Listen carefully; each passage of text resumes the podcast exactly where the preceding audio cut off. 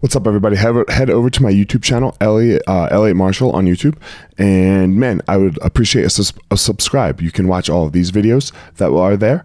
Um, you can also grab all of my jiu-jitsu instructionals, a little motivational stuff.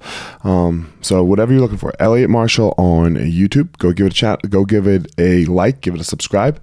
Leave a review. That would be amazing on one of the videos, and uh, I appreciate it. Look, Muhammad Ali said it said it best. I'm gonna I'm gonna show you how great I am, and this kind of ties into last week a little bit with owning your words. Um, don't let your words do the talking, right? Like just as soon as you say you're going to do it, then then it just becomes action. I'm gonna show you how great I am, and you don't. Once you're great, who even cares if you say it? You don't even need to say it. All you got to do is show them. You know, a lot. What the the problem that we have going on a little bit today is everyone's trying to tell you how great they are. I'm great, man. I have zero concern, or I have zero interest in telling somebody that I'm great.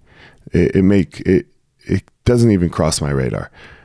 I want them to tell me not that I really want to, but you understand what I'm saying. I, I want someone to feel as though, wow, shit, he's great by my actions. He's a great dad. He's a great husband. He's a great teacher. That, that's what I want, right? I, I want to be those things. But that all comes with showing. I have to show people that I have to show up. I have to show up as a dad. I have to show up as a father I have to show up as a husband, I have to show up as a friend, and I have to show up as a teacher. Not say a word. There's no words that can make me great.